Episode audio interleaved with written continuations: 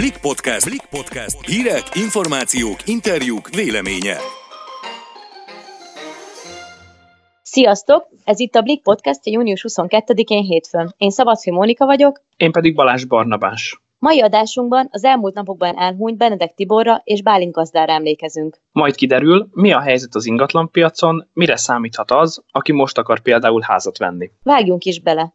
Talán nem bulváros túlzás azt állítani, hogy az egész ország gyászba borult az elmúlt napokban. Benedek Tibor háromszoros olimpiai bajnok vízilabdázó, egy hónappal a 48. születésnapja előtt múlt csütörtökön elhunyt. Vasárnap pedig az ország kedvenc kertésze Bálint gazda hagyott itt minket. Bár két teljesen különböző szeméről van szó, két különböző életpályáról, mégis mindkettejüket az emberek szinte a barátjuknak tekintették. Ott voltak a hétköznapjainkban, olvastunk róluk rengeteg hírt, Bálint gazda tanácsait ö, szinte minden ismerősöm megfogadta, és hát együtt szurkoltam én is a barátaimmal a, a magyar vízilabda válogatottnak az olimpián és Benedek Tibinek. Mit gondolsz, vajon mi lehet ennek az oka, hogy ennyire közelinek érezzük az ő elvesztésüket? Abszolút egyetértek veled, két egészen csodálatos életút ért véget, de szerintem a hallatlan népszerűségük mögött ennél jóval több áll. Én úgy látom, hogy komplet generációkat inspiráltak a sikerre, az interjúikból, előadásaikból, tévés szerepléseikből pedig áradt a szerénység, noha volt mire büszkének lenniük. Ez nagyon ritka kincs manapság. Gondolom te is láttál számos idézetet megosztva Benedek Tibortól az elmúlt napokban a különböző közösségi felületeken, amelyek szerintem sokak számára a jövőben egyfajta motiváló gondolattá avanzsálódnak. Az egyik nagy kedvencem nekem például a következő. Ha legvégül össze kellene foglalnom a sikereim okát, csak annyit mondanék, hogy mindig én akartam jobban. Ez az én tehetségem. És ez teljesen igaz Benedek Tiborra. Sosem adta fel, az utolsó percig küzdött még a betegséggel szemben is. Ez valóban nagyon szép gondolat. Nekem Benedek Tiborról mindig az jut eszembe, hogy a sikereiből nem csak ő, de minden sportszerető magyar profitált. Érdekes volt látni, hogy rengeteg ismerősöm osztotta meg a saját élményeit Facebookon, azt, hogy nekik milyen euforikus pillanatokat okozott Benedek, és hát tulajdonképpen az egész magyar válogatott. Még olyanok is, akik nem sportközvetítéssel kelnek és fekszenek. És szerintem épp ezt tette őt különlegessé. A gyönyörű játéka, a győzni akarása, még azokat is leültette a tévé elé, akiket egyébként nem érdekelt a sport. Ebben teljesen igazad van. Én éppen ezért nem is csodálkoztam, amikor felmerült az az ötlet, hogy a Duna Arena a jövőben az ő nevét viselje. Szerintem nagyon jól hangzik, hogy lesz egy Benedek Tibor arénánk, ha úgy alakul. Érződik, hogy mindenki méltó módon akar emléket állítani neki. De szerintem épp annyira fontos kérdés, hogy mi lesz most a Benedek családdal. Sajnos mindig azoknak a rosszabb, akik itt maradnak.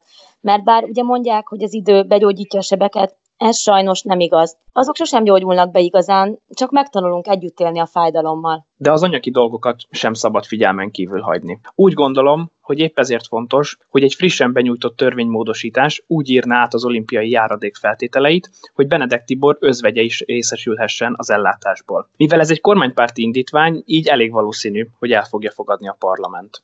Hamarosan biztosan kiderül, milyen döntés születik ezzel kapcsolatban. Sajnos Benedek Tibor mellett egy másik legendás vízlabdázótól is búcsúztunk a múlt héten. Kárpáti György szintén háromszoros olimpiai bajnok volt, aki nem sokkal 85. születésnapja előtt hunyt el illetve Csurka László Jászai Mari díjas színművész is távozott az élők sorából. Vasárnap este pedig jött az újabb hír, az újabb sok, az ország kedvenc kertésze Bálint gazda is itt hagyott minket bár már a 101. életévét töltötte, szerintem senki nem volt felkészülve arra, hogy elmehet. Bálint gazda döbbenetes formában volt időskora ellenére. Még az utolsó éveiben is aktívan gondozta a növényeit, és avatta be az embereket a kertészkedés fortéjaiba. Interjúiból áradt az életerő. Túlzás nélkül mondhatom, hogy a teherbírását még én is megirigyeltem, noha még csak a 20-as éveim elején járok nem csak te vagy ezzel így. Akinek van kertes háza, és szeret is foglalkozni a növényekkel, Valószínűleg már találkozott az írásaival, videóival az interneten. Bálint gazda tényleg a legnehezebb kérdésekre is tudta a választ, ha kertészkedésről volt szó.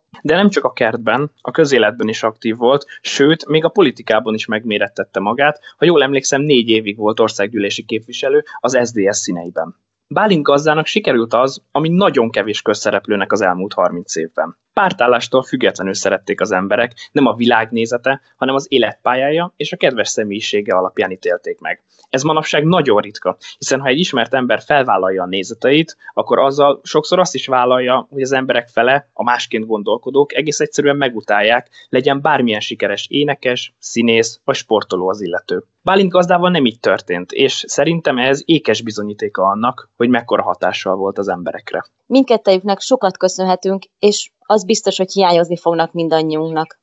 A folytatásban Gadanec Zoltán, a GDN ingatlanhálózat alapító tulajdonosa elárulja, mire kell számítanunk a jövőben az ingatlan piacon. Sélei Noémi kolléganőnk beszélgetett vele. Önök mit tapasztalnak jelenleg most a piacon? Nagyon érdekes a helyzet, ugyanis a koronavírusnak a hatásai azok még csak bizonyos területeken, és ott is csak részlegesen fejtették ki a hatásukat. Ez azt jelenti, hogy alapvetően annyi történt, hogy az intézkedések hatására, ugye kiárási korlátozás, stb. az emberekben az otthonlét miatt kialakult egy olyan vágy, hogy inkább a családi kertes, illetve az országon belüli vásárlás lett a, a legfontosabb, vagy a leg, leginkább szegmensben a legfontosabb. A lakásokat, és azon belül is a tömegtermékeket, és azon belül is inkább Budapestet érintette a változás. Elsősorban ez a bérleti piacon jelent meg, és a lakás árak tekintetében, tehát az értékesítés tekintetében ez egy kicsit elhúzódó folyamat. Ez annak is köszönhető, hogy pénzügyi oldalról, tehát ugye finanszírozás tekintetében is még ennek elhúzódóbb hatásai lehetnek. Ez azt jelenti, hogy a pénzintézeteknek a szándéka ugyanaz, hogy, hogy finanszíroznak, és lehetőséget biztosítanak továbbra is a vásárlóknak, hogy jó feltételekkel tudjanak lakáshiteleket felvenni, viszont egy kicsit olyan szempontból korlátozott a helyzet, hogy sokan vesztették el az állásukat, vagy szenvedtek el fizetéscsökkentést, és nyilván itt már a lehetőségeik megváltoznak abban a kapcsolatban, hogy mit is tudnak milyen értékben vásárolni. Ez uh-huh. is mhm. befolyásolja hosszú távon az árakat. Budapesten alapvető esetben ugye azért magasabbak az ingatlanárak, mint vidéken. Csökkent, vagy csökkenhette a jövőben ez a különbség? Igen, a különbség ma most is csökkent. Alapvetően Budapestet sokkal jobban érintette ez a, ez a vírusos válsághelyzet. Ez azt jelenti, hogy az emberek sokkal inkább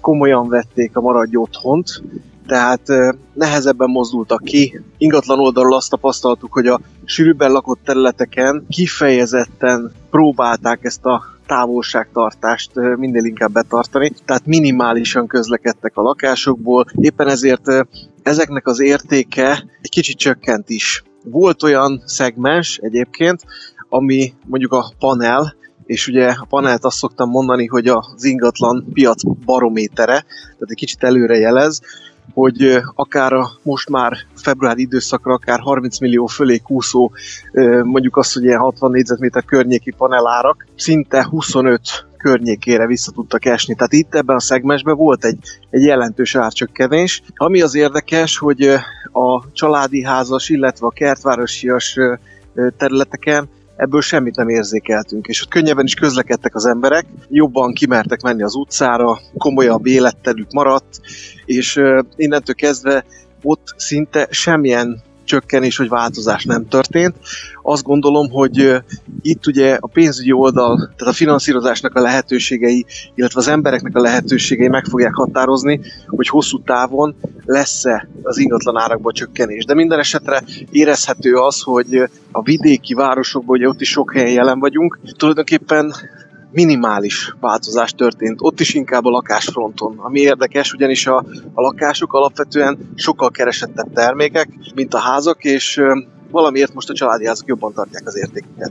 Tehát, ha jól értem, akkor most jobb esélyekkel vágunk bele egy, egy lakásprojektbe, tehát lakásvásárlásban, mint mondjuk egy kertvárosi így van, így van. Én azt gondolom, mivel gyorsabban leköveti a piacot a lakás, mint a családi ház, tehát ugye most magájellegű ingatlan vásárlásról van szó, éppen ezért hamarabb is fog visszarendeződni. Ugye a házaknál nem is nagyon történt elmozdulás, de, de a lakásoknál én azt gondolom, hogy mind a bérleti piacnak a viszonylag gyors visszarendeződése, ami ugye most még csak folyamatban van, fogja segíteni azt, hogy a lakásárak is visszatérjenek viszonylag rövid időn belül az eredeti állapothoz. Azt gondolom, hogy két időszak van, ami nagyon meghatározó lesz. Az egyik, és a bérleti piac mindenképpen befolyásolja az eladási piacot is. Tehát az egyik időszak az most a, az augusztusi, amire ugye jósolják, hogy a koronavírusnak esetleg egy második hulláma, vagy pedig egy következő része, hogy milyen hatással lehet az országra, illetve hogyha ez nem következik be, vagy ennek úgy szintén a mostanihoz hasonlóan nem lesznek számottevő hogyan mondjam, hatásai, tehát egészségügyi hatásai, vagy elbocsátásokkal kapcsolatos hatásai, akkor én azt gondolom, hogyha a jobbik verzió jön elő, hogy az augusztusi időszakban már megjelenhetnek a diákok, mint bérlő, és azt gondolom, hogy a, a nyár elején, közepén mindenhova esetleg vissza tudnak térni a turisták, és ezzel együtt a kül- külföldiek is. Tehát azt gondolom, hogy a diákok azok szeptember előtt egy kicsivel, a turisták pedig akár még korábban vissza tudnak érkezni, és ezáltal újra fel tud lendülni akár az Airbnb, a bérleti piac is önmagában, és innentől kezdve azt gondolom, hogy a, a lakásáraknak egy viszonylag gyors visszarendeződése várható.